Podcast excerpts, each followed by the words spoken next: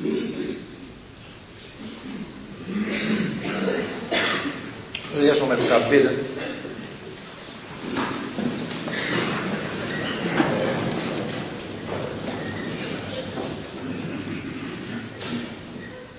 Heer Jezus, ook voor de komende bespreking willen we ons graag aan u toevertrouwen. Dat u ons ook verder kunt leiden door uw geest, door uw woord en onze harten kunt aanspreken met dat wat u tot ons te zeggen hebt. We willen ons in alles graag ook verder aan u toevertrouwen. Ook de kinderen die nu worden bezig gehouden. Heer, geeft u dat ook een zegen voor hen zal zijn. Amen. Amen.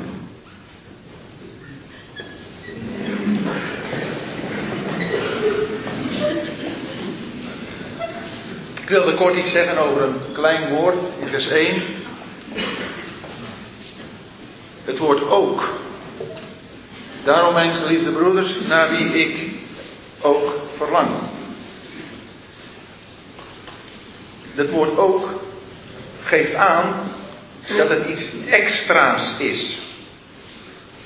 Je kunt uh, spreken over je geliefde broeders, geliefden, maar dat in een beetje algemene zin doen, haast technische zin. Zoals er ook wel in een brief begonnen kan worden met geliefde broeders en zusters. En dan komt daar toch een inhoud die van die liefde niet echt zoveel laat zien. Maar het woord ook, dat geeft aan dat Paulus niet alleen maar een, een vermaning heeft, een opbouw, een aansporing. Maar ik verlang ook naar jullie. Dat woord is me een keer opgevallen toen dat werd voorgesteld naar aanleiding van Psalm 133. Waar we lezen in vers 1. Zie hoe goed en lieflijk is het dat broeders ook eensgezind samenwonen. Ze zijn niet alleen maar dat ze bij elkaar horen, maar het wordt ook in praktijk gebracht. Ze wonen ook eensgezind samen. En nog een keer vinden we dat in, in Lucas, hoofdstuk 10.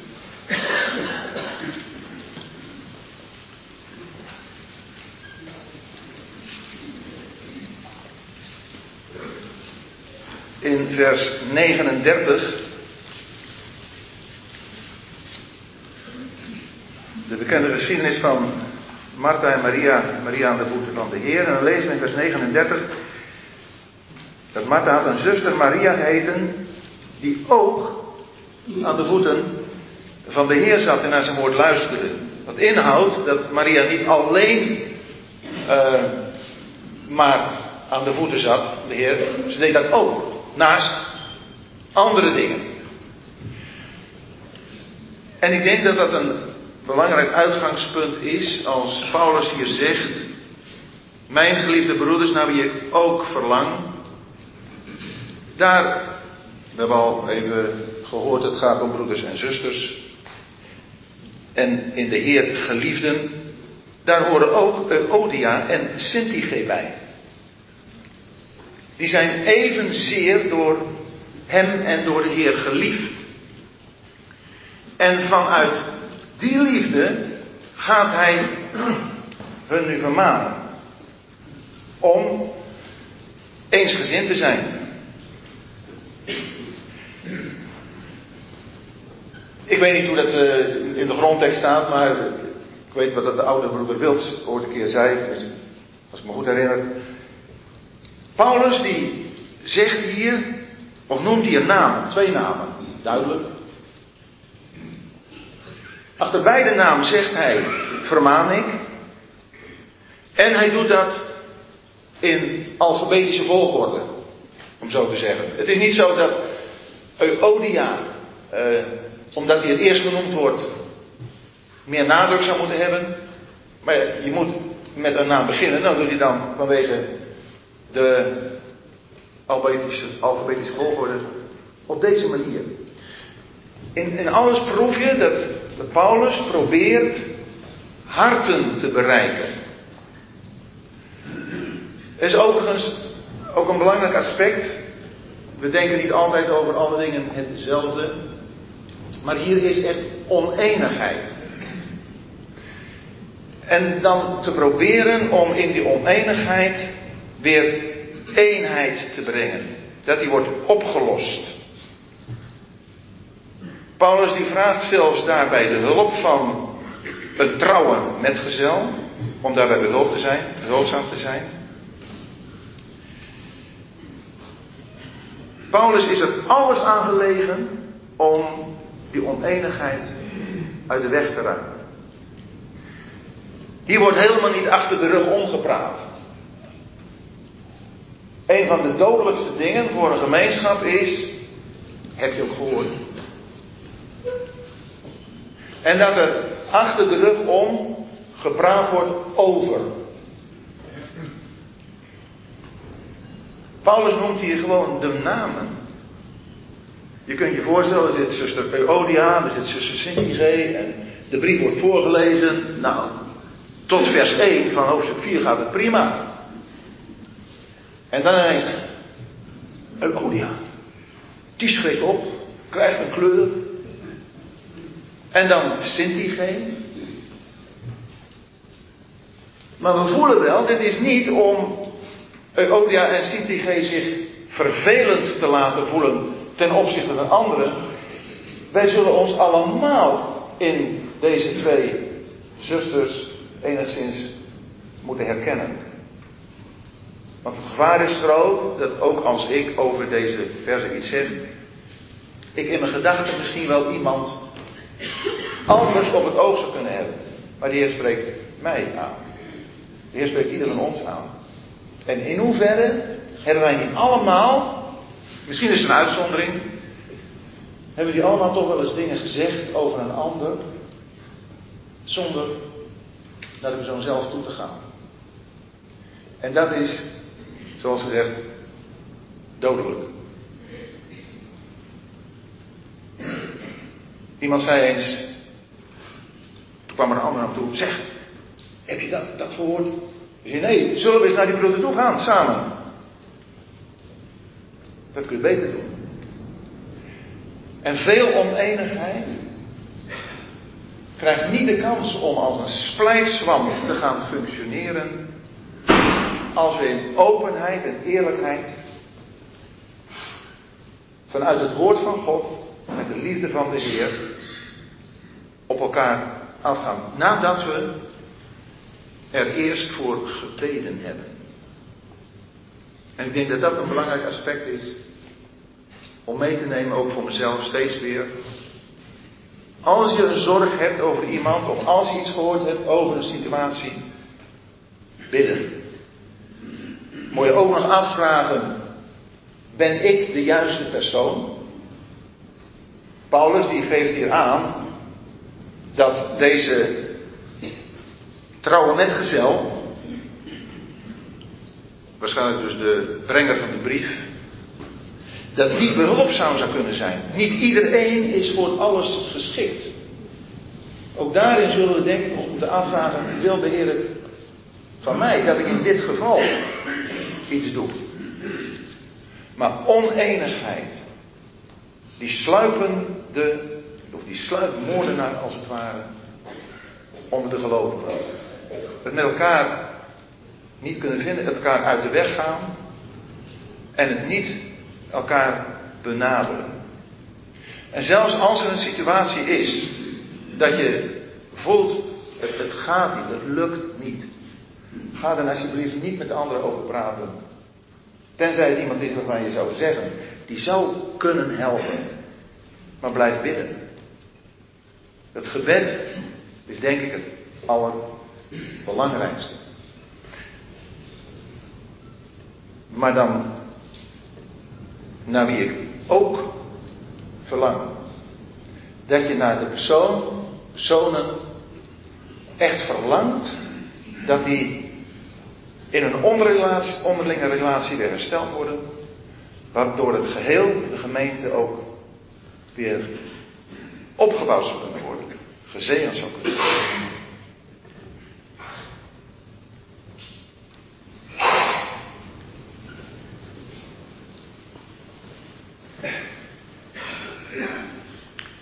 Het is wel opmerkelijk dat deze namen openlijk genoemd worden.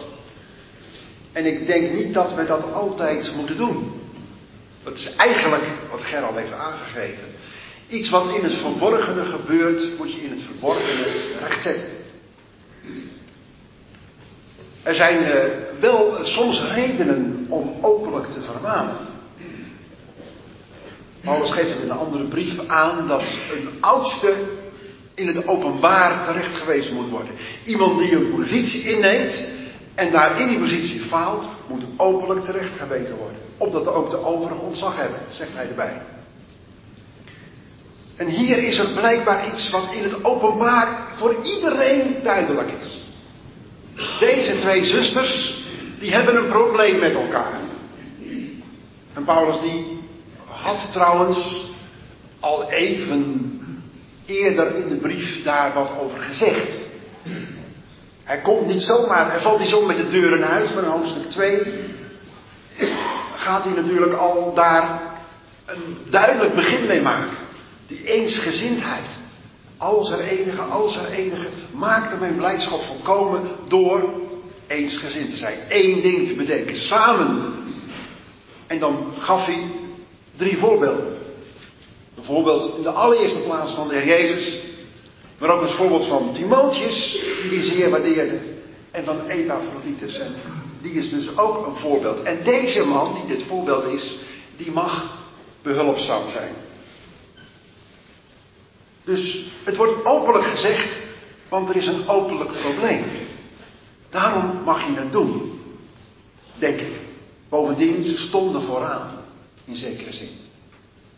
Het waren niet zomaar een paar zusters die op de achterste rij zaten en misschien af en toe eens een beetje koffie schonken. Nee, het waren medestrijders. Dat, dat, zegt de Heer. Wees hun behulpzaam die met mij hebben gestreden in het evangelie. Hij heeft hen gewaardeerd, hij hield van hen. Hij zegt zelfs er nog achteraan van wie de namen in het boek van het leven staan. Dat wist hij zeker. Nou, dat is heel wat. Want dat weet je niet zomaar van iedereen even zeker. Iedereen die je even ontmoet en die de juiste woorden spreekt, zeg maar. Dat betekent niet dat je gelijk overtuigd bent dat die ook echt de Heer dient. Maar hij heeft daar samen hen gestreden. Als je samen strijdt, als je samen op de knieën gaat, samen bidt voor het werk van de Heer, dan leer je elkaar kennen.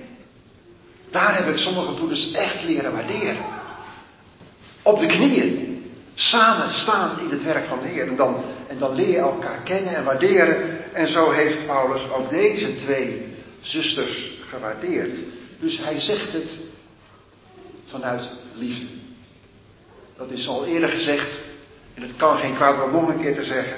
Hij zegt het ook openlijk. En dat is bijzonder. Dat moeten we niet altijd doen. Maar hij weet, het zijn mensen die samen hebben gestreden. En als je strijders bent, denk even aan dat eh, beeld wat we in Efeze 6 vinden. Hè? Dat is ook vaststaan. Efeze 6 is ook vaststaan. Het gaat er niet om dat je dingen gaat, nieuwe dingen gaat veroveren, maar dat je niks prijsgeeft, zoals Shaman dat ook deed. Niks prijsgeeft. Dat is heel terecht zo uh, gezegd. Maar als je dan even denkt aan die Romeinse soldaten, dan roep ik in herinnering degene die, die Asterix af en toe gelezen hebben, die hebben daar een aardig beeld van. Hebben. Er worden prachtige tekeningen gemaakt van hoe die Romeinen dat samen doen. En dat is heel belangrijk wat ze deden. Want ze, ze streden echt samen. En daarom waren ze succesvol, omdat ze samen streden. Dus als je een schild had, was het een schild voor de hele groep. Want die schilden stonden naast elkaar. Als de vijand daar kwam, stonden die schilden naast elkaar. Je ging zo. En dan stond je erachter en zet je die schild er bovenop. Dus als je daarachter zit, je schild er zo. Dan had je een soort muur. En stel je dan maar eens voor dat iemand zegt, nee, daar is de vijand. Ja, dan is hij niet alleen zelf een doelwit geworden, maar de mensen die vlak om hem heen staan ook. Daarom is het zo belangrijk om eensgezind te zijn. Betekent dat je weet tegen wie je strijdt. Niet tegen bloed en vlees. Niet tegen elkaar. En dat je ook heel duidelijk de instructies van de generaal, van de tribuun of de centurion, net, wie er net je, direct boven je staat en hoe groot het legertje is waarmee je op pad gaat. Je moet gehoorzamen aan degene die boven je staat. En luisteren. En zeggen, daar is de vijand. En, en dat heeft ook te maken met, met dit. Met dit samenstrijden en eensgezind te zijn. In dat kader zegt Paulus ook, laat uw inschikkelijkheid aan alle mensen bekend zijn. Hij zegt niet alleen verblijven in de Heer, maar laat ook uw inschikkelijkheid. Dat wil zeggen dat je niet op je eigen belang let. Dat had hij eerder in hoofdstuk 2 ook al gezegd. Je let ook op het belang van de ander. Dat is heel mooi zoals hij dat in hoofdstuk 2 gezegd. Let ook op het belang van de ander. Wij zeggen wel, we moeten onszelf wegcijferen, maar dat is niet helemaal wat er staat. Wij, offeren onszelf aan de Heer. En dan doen we wat de Heer ons te doen geeft. Maar hou rekening met de ander. Met het belang van de anderen. Wees inschikkelijk. Probeer niet je eigen positie te bevechten. Maar geef ruimte aan elkaar. En zet je schild allemaal in de richting waar de pijlen vandaan komen. En niet, denk niet dat de pijlen van je broeder of zuster komen. Daar komen ze niet vandaan. Het is wel moeilijk soms, want de oneenigheid kan allerlei oorzaken hebben. En dat is mooi, het staat er lekker niet bij. We weten lekker niet waar het vandaan komt, zodat het zo algemeen mogelijk geldig is. Maar laten we er goed over nadenken en het tot ons hart laten doordringen, wat Paulus hier zegt.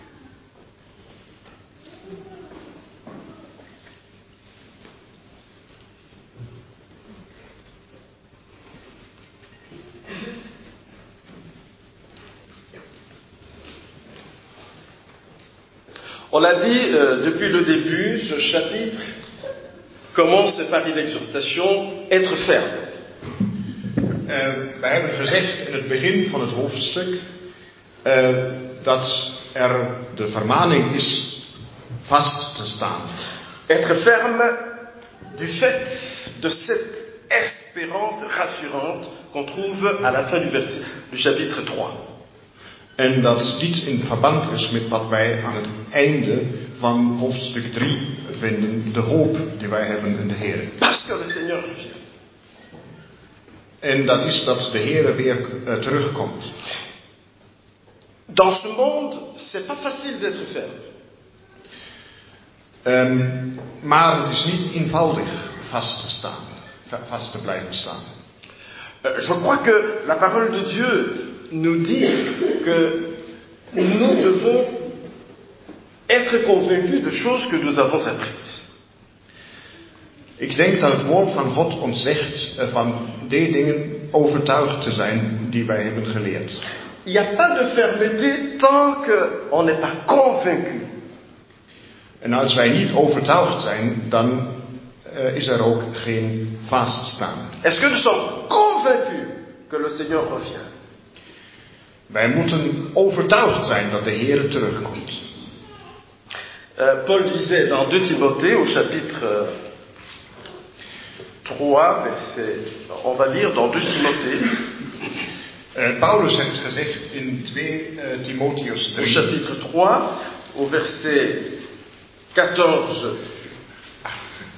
In uh, vers 14. Il dit à Timothée, toi reste attaché à ce que tu as appris. Uh, wacht een moment, ik ga het. Uh, toi reste attaché aux choses que tu as apprises. Dat hij um, afhankelijk zijn zou van die dingen die, of overtuigd zou zijn van die dingen die hij heeft geleerd. Et c'est la deuxième partie qui est très intéressante. Dont tu es pleinement convaincu. En dat is, want hij is uh, volledig overtuigd. Dans les assemblée, l'enseignement sur le retour du Seigneur a été largement enseigné. En eh, dat wil zeggen dat hij ehm, eh, goed is geleerd bij, eh, van de apostel Paulus. En Et la question qui demeure, est-ce qu'on est réellement convaincu En voor ons is het ook waar dat wij goed geleerd zijn, maar het is een vraag ehm, of wij ook ehm, vast overtuigd zijn. Qui nous renferme. En eh, dat is ook dat wat ons eh, laat vaststaan. Quand on est convaincu, on devient soi-même convaincant. En als wij overtuigd zijn, dan zijn wij ook overtuigend. La fermeté, c'est pas la fermeture. C'est pas de se fermer. Ehm, vast te staan, dat betekent niet dat wij eh, ingesloten zijn. On a des jeunes. Le monde change à une vitesse incroyable. Ils peuvent, on ne peut pas les enfermer. Ils vont contacter. En dat is ook zeker waar voor de jonge mensen. Die mogen wij niet insluiten, maar die moeten hebben contacten. Savez, les moines catholiques, je m'excuse, ils s'enferment. Mais c'est pas ça qui, qui les empêche d'être comme le reste du monde.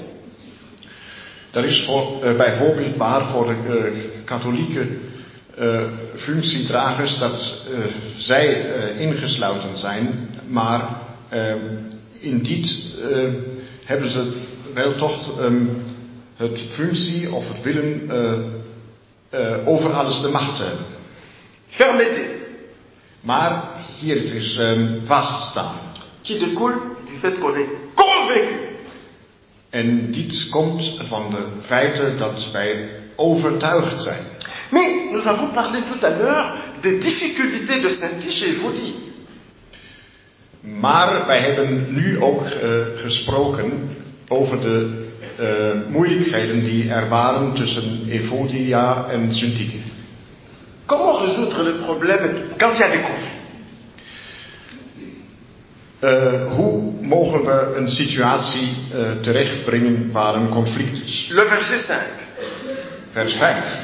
Que votre douceur soit connue de tous. Dat, de, dat onze on- ingezikkelijkheid eh, mag worden bekend voor allen. C'est ça la solution, la douceur. En dat is de, eh, de oplossing. La douceur dans l'Église, la douceur parmi les frères et sœurs.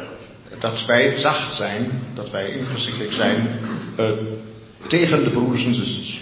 Qu'est-ce que c'est que la douceur En, ah. en wat zou dat eh, nu zeggen? La douceur, euh, il y a une note dans la version d'Arby In de Davi-vertaling geeft het een eh, noot eh, over het woord. c'est le caractère d'un homme qui n'insiste pas sur ses droits. eh, over dit woord ingezichtelijkheid. Dat eh, ehm, eh, een mens niet op zijn rechten gaat bestaan. Alors, je suis très intéressé par cette note de, En, de eh, Den- en, en deze eh, voetnoot heeft mij ook eh, aangesproken. En ik heb, vind, vind een heel belang erin. Et il dit le Seigneur est proche. En hij zegt, de Heer is nabij. Pourquoi être doux Pourquoi ne pas insister sur mes droits Parce que le Seigneur est proche. Eh, waarom eh, op mijn rechten bestaan als de Heer nabij is? Parce que le Seigneur, le juste juge, vient résoudre tous les problèmes d'injustice dont j'ai été l'objet. Dat is ook, eh, want de Heer is de eh, gerechte rechter. En hij gaat alle dingen oplossen die ook eh, voor, voor mij een probleem zijn. Je pense, mes minutes s'écroulent. Hij zegt eh, dat hij zijn, eh, of hij biedt voor zijn excuus, want eh, de minuten zijn voorbij. Maar dat is ook een probleem van de vertaler.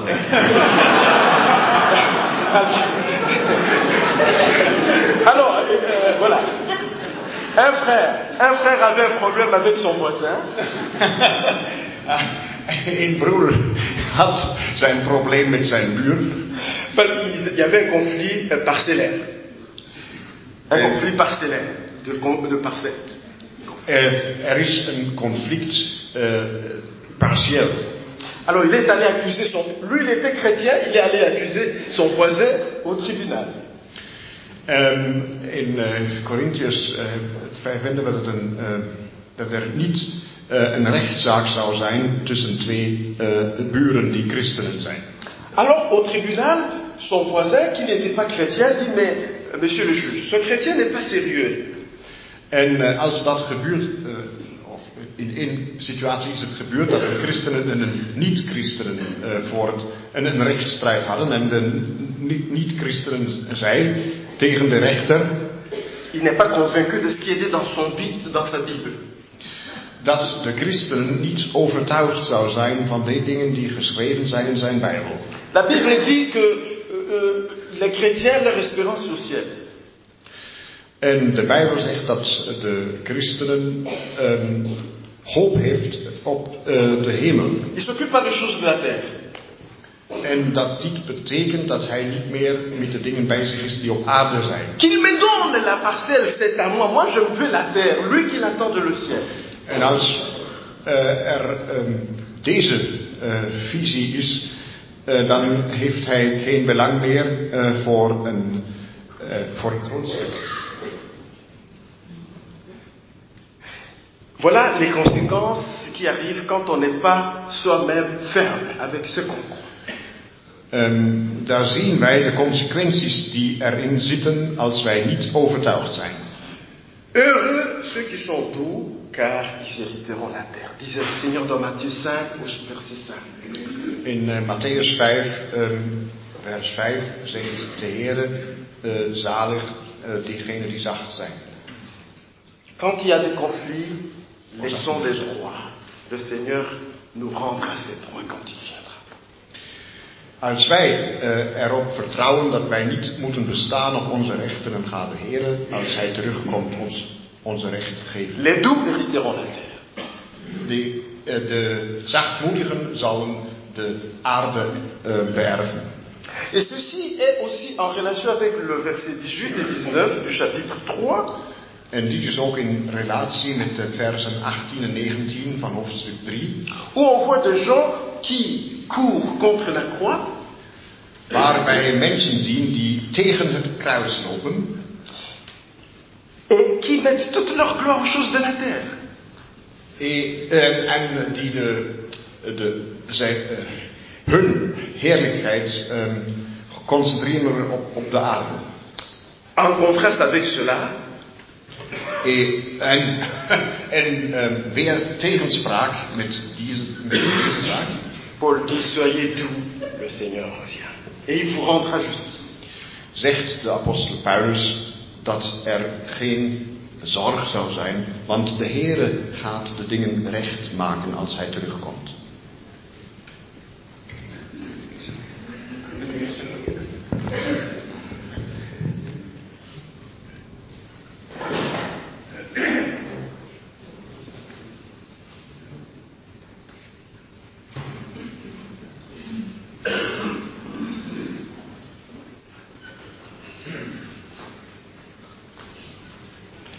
En de vertaling van mijn Duitse broeder van het Frans en het Nederlands. Dat is al heel eh, speciaal. En ik wil niet zoveel eh minuten nemen. Ik wil wel proberen mijn eh, Nederlands dat ik alleen maar op bijbelconferenties eh, heb eh, meegenomen. Om mijn kleine gedachten nog naar voren te brengen. Ehm Eodia en Syntyche. Het is een heel eh, bekende probleem dat daar waar eh, samengewerkt werd in het evangelie op missionsgebieden of zo, dat daar de meeste problemen zijn eh, onderling bij eh, de medearbeiders. En hier hebben wij gezien dat die beiden ehm, mede gewerkt hebben met Paulus. Nu was hij niet meer bij hen. En dan is de scheuring gekomen. Dan hebben ze uh, tegen, uh, of ze uh, ruzie gehad hebben, weet ik niet. Maar die ene heeft die gedachte en die andere heeft die gedachte. En dat is ook normaal dat wij heel verschillende gedachten hebben. Maar Paulus zegt hier, je moet eenszind zijn op de Heer uitgericht. Dan is dat mooi dat die gedachte en die gedachte er is. Die zijn heel verschillend. Maar dan moeten wij die uh, samenkomen om uh, uitgericht zijn op de Heer. een Zwitsere, Zwitsere broeder, Paul Kiene, heeft ook op mijn bijbelspreking ehm, is daar geweest. En in de pauze zat uh, tegen hem een broeder die zei ook, uh, heb je al gehoord? Dan heeft hij gezegd, heb je al met die broeder gesproken? Nee. Zwijg. Ik wil niet van, van horen. Ga eerst naar hem toe en, en niet naar mij overeen. Dat wil ik niet. In de eerste brief aan die Corinthiërs, daar zegt Paulus, uh, vers 10 en 11. Maar ik vermaan u, broeders, door de naam van onze Heer Jezus Christus, dat gij allen hetzelfde spreekt en dat er onder u geen uh, scheuringen zijn. Maar dat gij vast aaneengesloten zijt, één van zin en één van gevoelen. Want mij is over u bekend gemaakt, mijn broeders, door de huisgenaden van Chloe, dat er twisten onder u zijn. Hij heeft aangemerkt van waar het kwam dat hij, um, dat deze um, zaak uh, hem uh, overgekomen is. Het is openbaar, niet achterom. Ik weet niet van, wel, van wie ik het gehoord heb, maar hier legt hij dat open. Hoe kan Paulus zeggen, je moet hetzelfde spreken. Dat is toch niet natuurlijk? We hebben toch al onze eigen gedachten. Dat is wel waar en dat is ook mooi.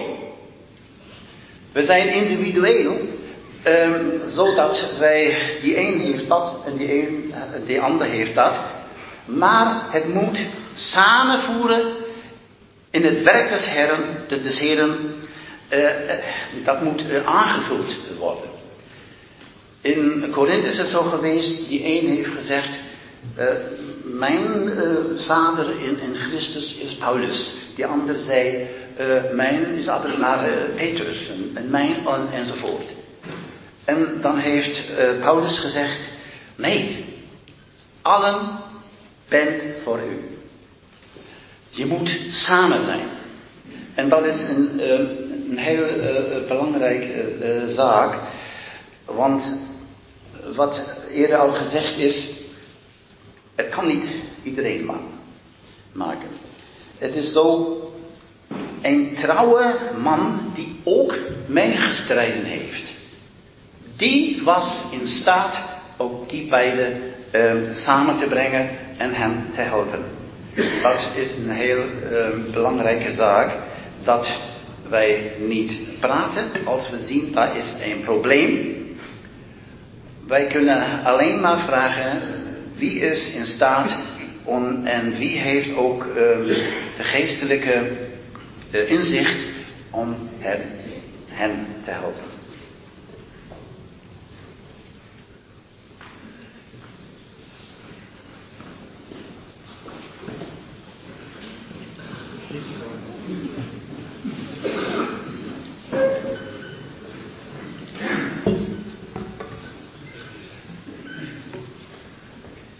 Trouwe metgezel.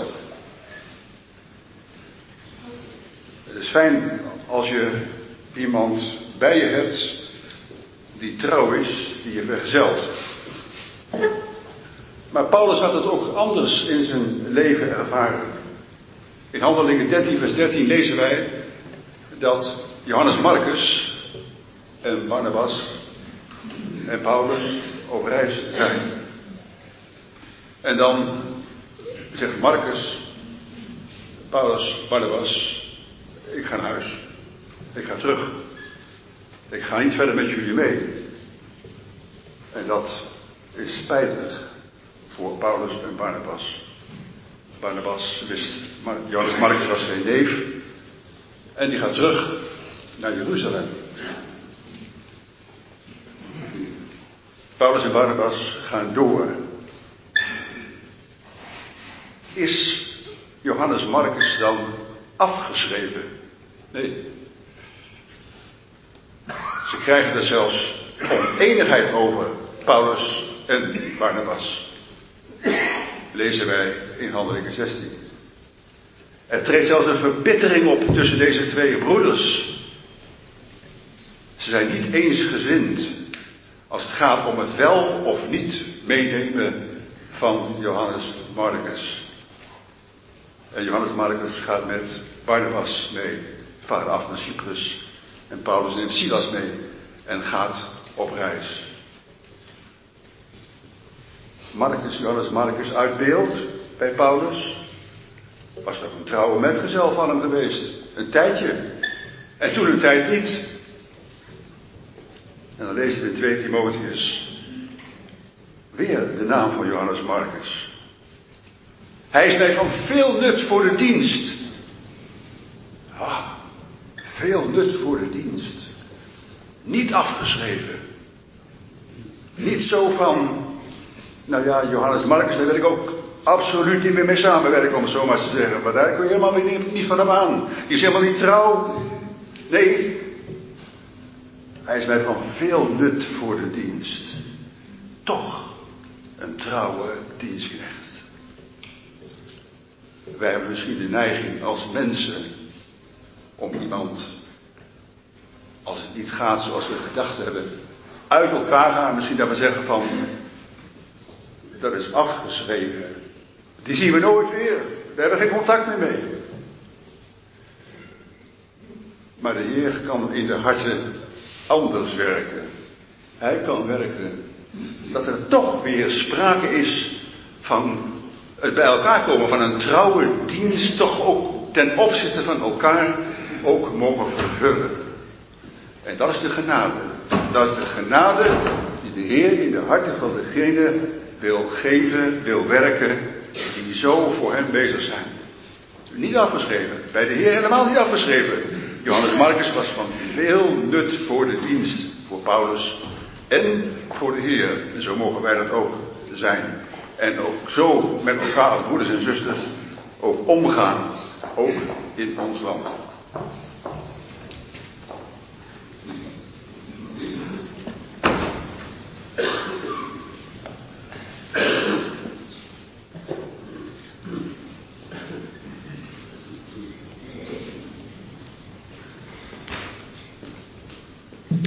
Ich möchte auch noch einen Gedanken äußern zu Evodia und Sintyche.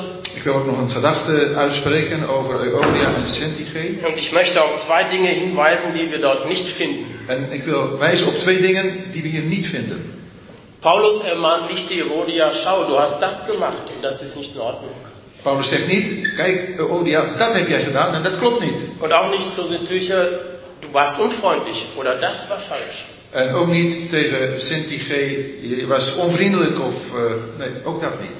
Wenn er das getan hätte, dann hätten sich zwei Gruppen, zwei Parteien gebildet. Als hij dat zou hebben gedaan, dan zouden zich twee groepen hebben gevormd. Und das passiert heute zu oft, En dat gebeurt vandaag de dag te vaak. dass Uneinigkeit da ist Dat er und dass ein. Teil der Geschwister sich der einen Person Recht gibt und der andere Teil der anderen Person Recht gibt. En dat een deel van de broeders en zussen de ene persoon eh, daarachter gaat staan en een ander deel van de broeders achter de andere persoon. Und die Folge davon ist, dass es Zersplitterung, Trennung gibt En het gevolg daarvan is dat er scheuring is, scheiding, aus zwischenmenschlichen Gründen. uit intermenselijke eh, oorzaken. Paulus sieht tiefer, er sieht die Ursachen für diesen Konflikt. Maar Paulus kijkt dieper. Hij ziet de oorzaak van het conflict.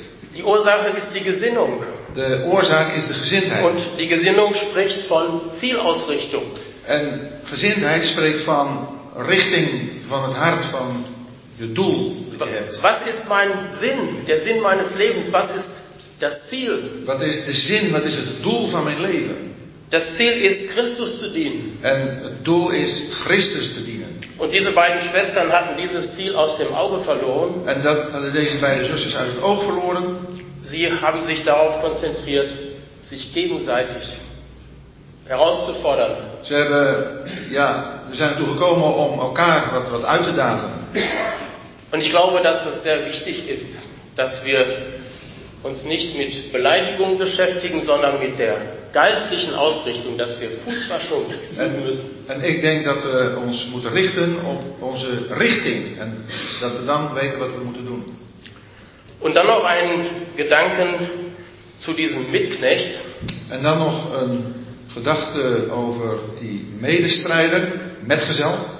Paulus sagt diesem Mitknecht nicht hierhin, entscheide, Hij zegt niet- herab vielleicht sogar, Hij zegt niet van, eh, ga erheen en doe dat. beurteile, was richtig, was falsch ist. En beoordeel dan wat er goed en verkeerd is. Nein, es ist ein Dienst. Nee, het is een dienst. Mitknecht bedeutet ja, oder Knecht bedeutet ja, dass man ganz unten ist. Metgezel, in het Duits dus eh, medeknecht, betekent dat je eronder staat. Und beistehen bedeutet, dass man eine Hilfe leistet. En bijstaan betekent, of behulpzaam, dat je erbij bent om te helpen. Ich denke an Johannes 13, die Fußwaschung, wo sich jemand tief runterbückt, Ik denk aan Johannes 13, de voetwassing, waar iemand zich heel diep buigt. um eine Hilfe zu geben, Om iemand te helpen, um geistlich aufzuerbauen durch das Wort Gottes, om geestelijk op te bouwen door het woord van God. um die Gesinnung wieder neu auszurichten Um- auf Christus. Om de gezindheid opnieuw weer op Christus te laten richten. Und wenn wir so mit zwischenmenschlichen Problemen umgehen, En als we zo met intermenselijke problemen omgaan, dann würden wir viel Schaden von uns abwenden. dan zouden wij veel schade van ons kunnen afwenden. Vielen Dank.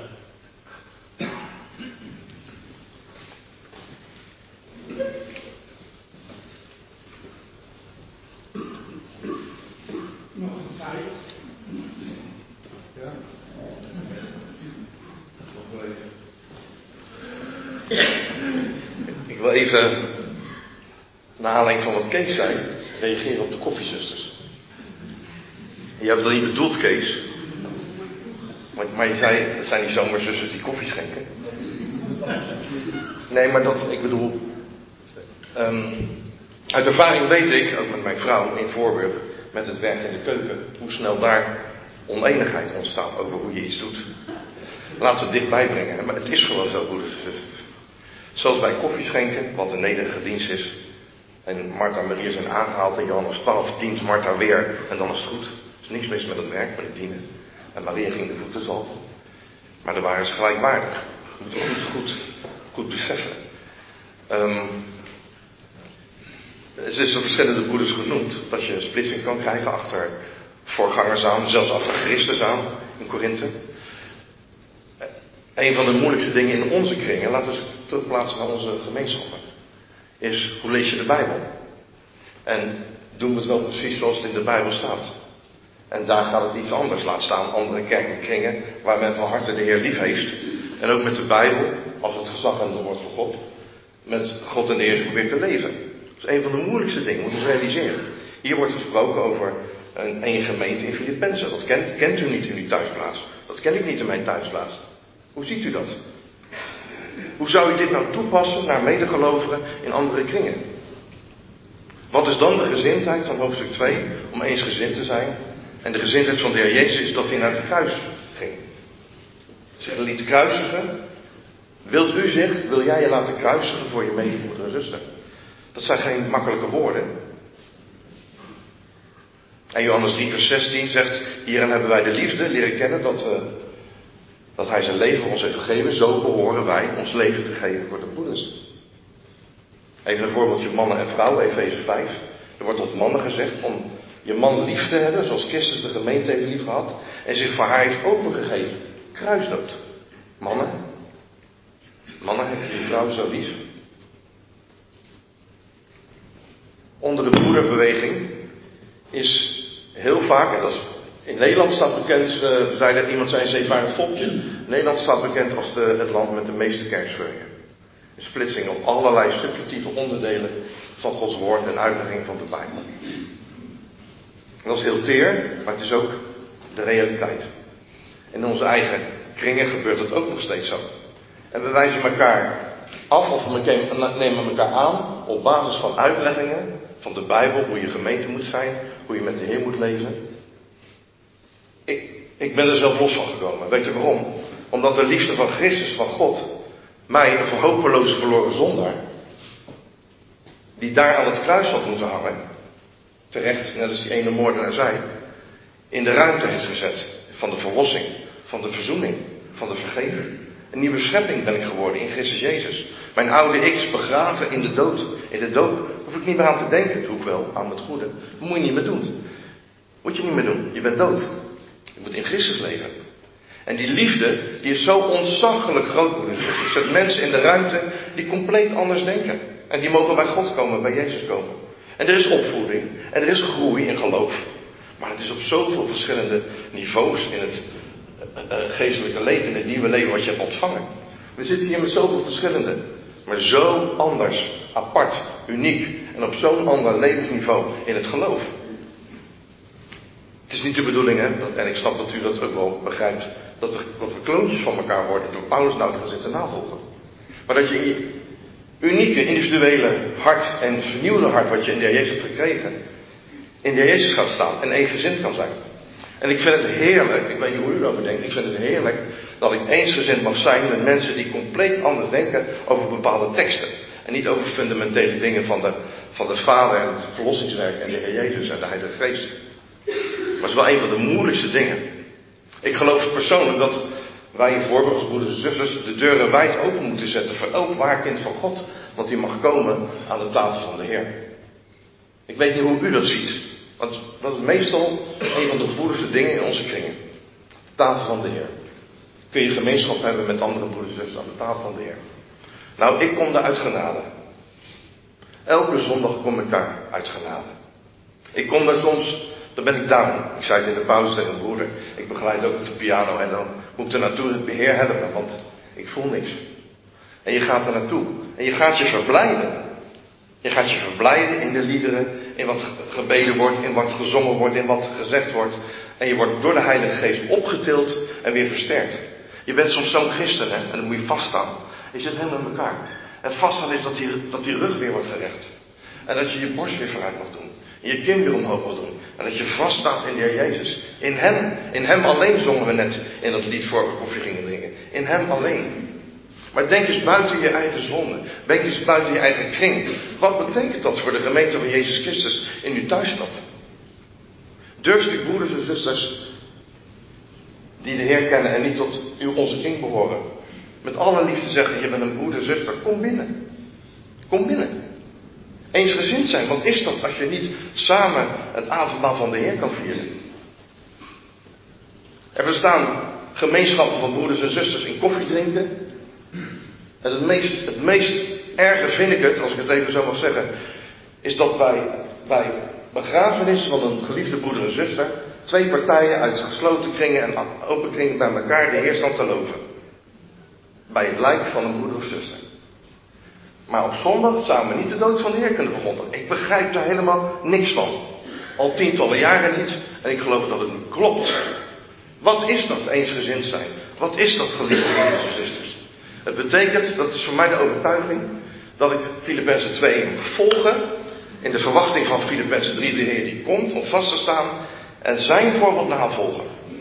Dat is tot de dood willen gaan, dat is die gezindheid van Christus. Tot de dood willen gaan. En niet die ander die moet luisteren en precies doen wat we vinden.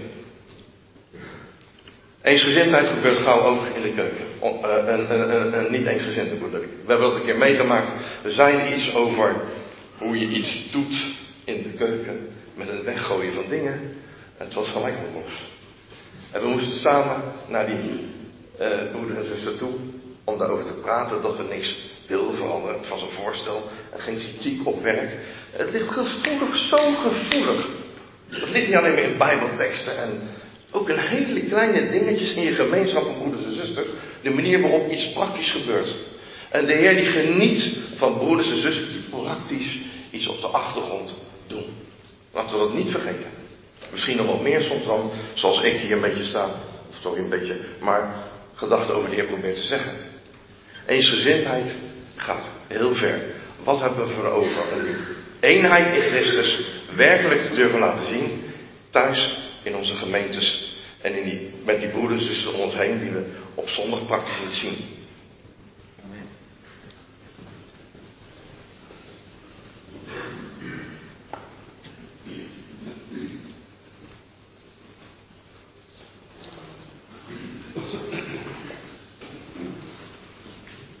De meeste van jullie weten dat ik kom uit Irak. Dus ik heb geen vertaler nodig of ik kan proberen om duidelijk te spreken.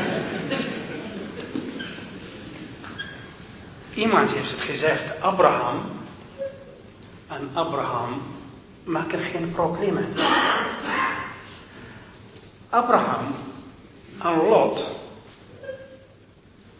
ze lossen de problemen. Maar Lot en Lot, ze zijn problemen. Zelf persoonlijk, als ik uh, de Bijbel niet lees, er wordt geschreven over Lot, hij was rechtvaardig, had getwijfeld in zijn geloof. Maar het gaat niet om. De Heer heeft iets wat gelegd in mijn hart om iets wat te vertellen over iets kort in mijn opvoeding. Wat heb ik geleerd? Soms dingen ontmoet ik in de Bijbel, die had ik al geleefd vroegere tijden. Het is fijn, dit is genade om daarover te lezen. Ik had in Bagdad gewoond, in een straat die heet. Kennen die drie generalen van David, koning David, Yushib Tahkamoni en Leazar ibn Abu Dawdaw. Een van, dit is een generalen van de koning David waren drie. De strijders die water hebben gehaald voor koning David vanuit Bethlehem. In een van de straten heet Abu Dawdaw, waar mijn vader gewoond heeft, in Bagdad. Is alle bewoners, er waren Joden. De kaper is Jood, de slager is Jood. Allemaal Joden waren. En de manier van wat Paulus heeft die gemeente van uh, Filippi gegroeid, iets wat bijzonder. Hij zei tegen hen, jullie zijn mijn blijdschap. Jullie zijn mijn kroon. Mijn kroon. De manier wat ik had opgevoed in vroegere tijden. Als je gaat naar werk om vier uur in de ochtend, was ik een militair. En de buren, een gaat naar de fabriek, andere gaat naar het bedrijf, andere is hard werken, is heel vroeg in de ochtend, gaan deur uit. En je begroet elkaar. Hoe groet u die buren? Niet alleen salam alaikum, shalom voor u. Nee, nee. Is geliefde vriend of geliefde broer, je noemt hem. En op de manier van de groet, je buigt diep en jouw beide handen neerleggen op je hoofd. Mijn kroon, je zegt tegen jouw buurman. Mijn kroon. Maar hoe hebt u hem gewonnen als een kroon? In eerste instantie, je moet eerst buigen. Hebben jullie ook ooit gezien hoe die, onze koning Alexander gekroond werd? Ik heb wel gezien. Hij ging wel buigen. En dan wordt gekroond. De kroon maakt de mens koning. Bent u echt in werkelijkheid koning? Draagt u jouw broeder en jouw zuster op je hoofd? Roemt u in hem? Hebben we gelezen iets over in Korinthe, eerste hoofdstuk. tweede en het derde hoofdstuk. De gemeente zegt aan één gedeelte van de ben ik van Paulus, andere van Paulus. In hoofdstuk 7, ze trekken, ze slepen elkaar naar rechtbank en ze beschuldigen elkaar en nou later. Dank u wel. Dank u wel. Later moest Paulus hoofdstuk 13 schrijven. De Korinthen waren trots op hun leer. Op hun gaven waar God aan hen gegeven heeft. Talen. Paulus zegt als ik alle talen van mensen kende. Hoef ik geen vertalen, lieve broeder. Alle talen van mensen en kinderen spreek ik ook niet alleen dat, de talen van engelen. Maar de Heer Jezus niet. Er is niks. Als ik alle geloof heb ik. Weet je wat is alle geloof? Als je druppel, als je een tarwekorrel van geloof, je kunt wel wonderen doen. Als je alle geloof hebt. Een hele goede grafie van aardebodem te veranderen. Op bergen van, uh, ja, wat wij gelezen hebben, broeder, vanmorgen. En op Psalm 133 van Harmon. Die hoge bergen. Aan de berg van Sinai. Berg van Sion. Berg van Ararat. Alle bergen te veranderen van. En de Heer Jezus niet hebt. Als je hele uw rijkdom geven. En de mensen en kinderen. En niet alleen dat. Jezelf verbranden. En de Heer Jezus niet helpt. Dat helpt niet. Twee dingen blijven. 1 korte 13. Ze zijn 13 versen. Ik hoop het, ieder van ons. Maar deze psalmen van Paulus schrijven en spijkeren bij de deur. Als de man komt van de werk, mag lezen. Als de vrouw gaat naar de keuken, mag lezen. De kinderen komen binnen, mag mogen lezen. En werkelijkheid, deze 13 versen in de praktijk te brengen. Kennis, je kan leveren hoogmoed, maar nederigheid, buigen. Ik zei tegen mijn vader, waarom moet ik buigen? Voor een mensen moet ik buigen. Waarom moet ik buigen? Hij zei tegen mij, je gaat niet buigen voor hun kwaliteit. Niet voor hun rijkdom. Of voor hun armoede. Niet voor hun macht. Voor hun zwakheden. Niet van hun, uh, zo. Je buigt voor een mens. Ze waren geen christenen. Je buigt voor een mens. Een mens is een dierbare iets in Gods oog. Vanmorgen moesten wij zingen, wie is voor mij op aarde gekomen? Dat is de Heer. Wie heeft zijn bloed gestort op Golgotha? Het is geen Gabriel of Michael of engelen. Nee, het is de Heer. Door de genade van God, de Heer heeft de dood gesmaakt voor alle mensenkinderen. Ik hoop het. Dat niemand van ons zonder kroon wordt verschijnen bij de Heer Jezus. Jullie allen mijn kroon en ik buig voor jullie allen diep tot de grond toe. De Heer Jezus, mijn broeder, heeft Johannes 13 genoemd.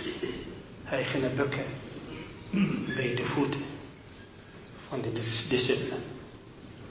Weet u, de Heer Jezus zelf heeft zijn koninkrijk is niet van iemand anders genomen, lieve zuster of broeder. Hij was al koning. Is geboren als een koning. Gabriel zegt tegen Maria, Lucas 1 vers 33, is geen einde komt voor zijn koninkrijk. Het is geen einde. De wijzen uit de oosten, uit mijn land, uit het land waar mijn vrouw komt vandaan, ze kwamen. Er was geen auto of vliegtuig. Ze kwamen lopen op de camelie, op de paard. Ze hebben Herodes gevraagd, waar zou de koning der Joden geboren werden? Ze kwamen om hem te aanbidden, lieve mensen. Hij had geleefd. Meer dan 300 keer profetie in het Oude Testament werd beschreven dat de Heer Jezus zal komen als een koning. Verblijft u op dochter van Sion. Verheugt u op dochter van Jeruzalem. Zie uw koning zal tot u komen. Hij zegt ja 9 vers 9. Johannes 12 vers 12. Hosanna, Hosanna hebben geroepen voor een koning. Die komt in de naam van God van Israël. Hij had geleefd als een koning. Daar een rechtszaal. Pilatus vraagt hem, bent u de koning der Joden? En rechtszaal, lieve broeders en zusters, om eens de Heer Jezus dat een koning iets van zijn macht heeft laten zien. En Pilatus was een dader. Hij is gestorven als een koning. Wat geschreven de koning der Joden. Hij is opgestaan. Onze jonge broeder zegt, hij heeft alle macht. Hij is opgestaan als een koning. Heb ik alle macht in de hemel en op aarde. En hij zal terugkomen als de koningen der koningen en heren der heren. Het is heerlijk, lieve broeders. Dat zal niet meer lang duren. Hoop ik dat wij allen met een hovende ogen zullen hem bewonderen. Om niet beschaamd te worden. Dat de Heer Jezus zal zien dat wij roem in hem. En ook in elkaar. Je bent een cadeau. Je bent een, bijzondere mens in Gods oog. Dat de Heer Jezus heeft zijn leven gegeven. God maken wij geen zorg voor. Twee zusters waren eens. Maar kijk naar hoe de manier waarin ze, Paulus heeft de problemen opgelost. Hij zei het niet tegen diegene die naar hem toe uh, gegaan. Wie is er schuldig? De eerste of de tweede? Waar is die fout? Nee hoor, hij heeft hen hoog verheven. Eén gezend. Eén, één. De Heer Jezus zei tegen de gelovigen die velen in hem geloofden in Johannes 8 vers 30. Indien u in mijn woorden blijft. Blijft in de Heer. Johannes 15, 11 keer zegt erbij, verblijf in hem, wie in mij blijft, zal vruchten dragen. Vruchten dragen, lieve broeders en zusters. In de vreemde iemand uit Irak komt hier, morgen ben ik in Friesland.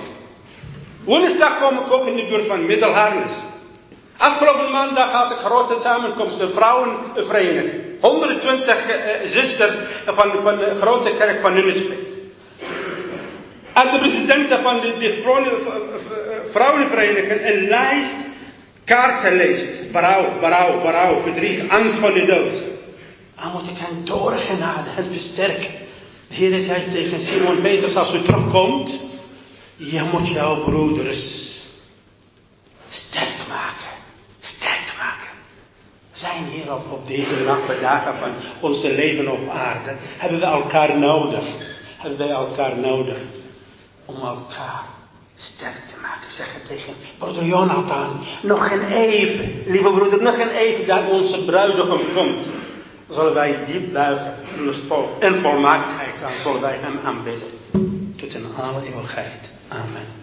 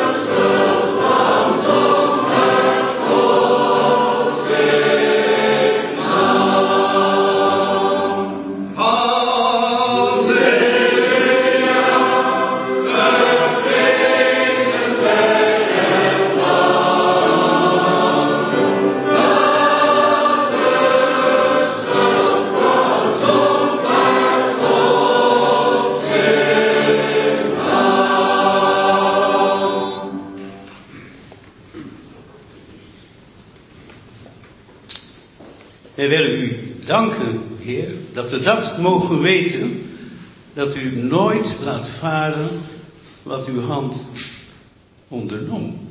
Heer, we mogen dat ook nu ervaren, deze dag, dat u bij ons bent, dat u ons niet loslaat, dat u tot ons spreekt door uw woord.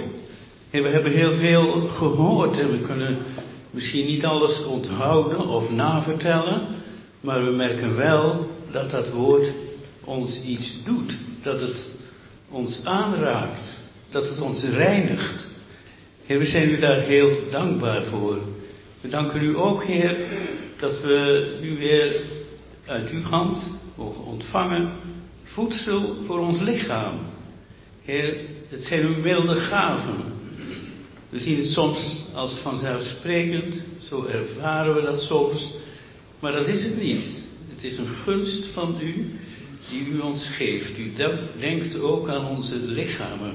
Daar willen we u voor danken, voor datgene wat u geeft in geestelijk opzicht en in lichamelijk opzicht. Dank u, Heer, daarvoor. Amen. Amen. Wilt u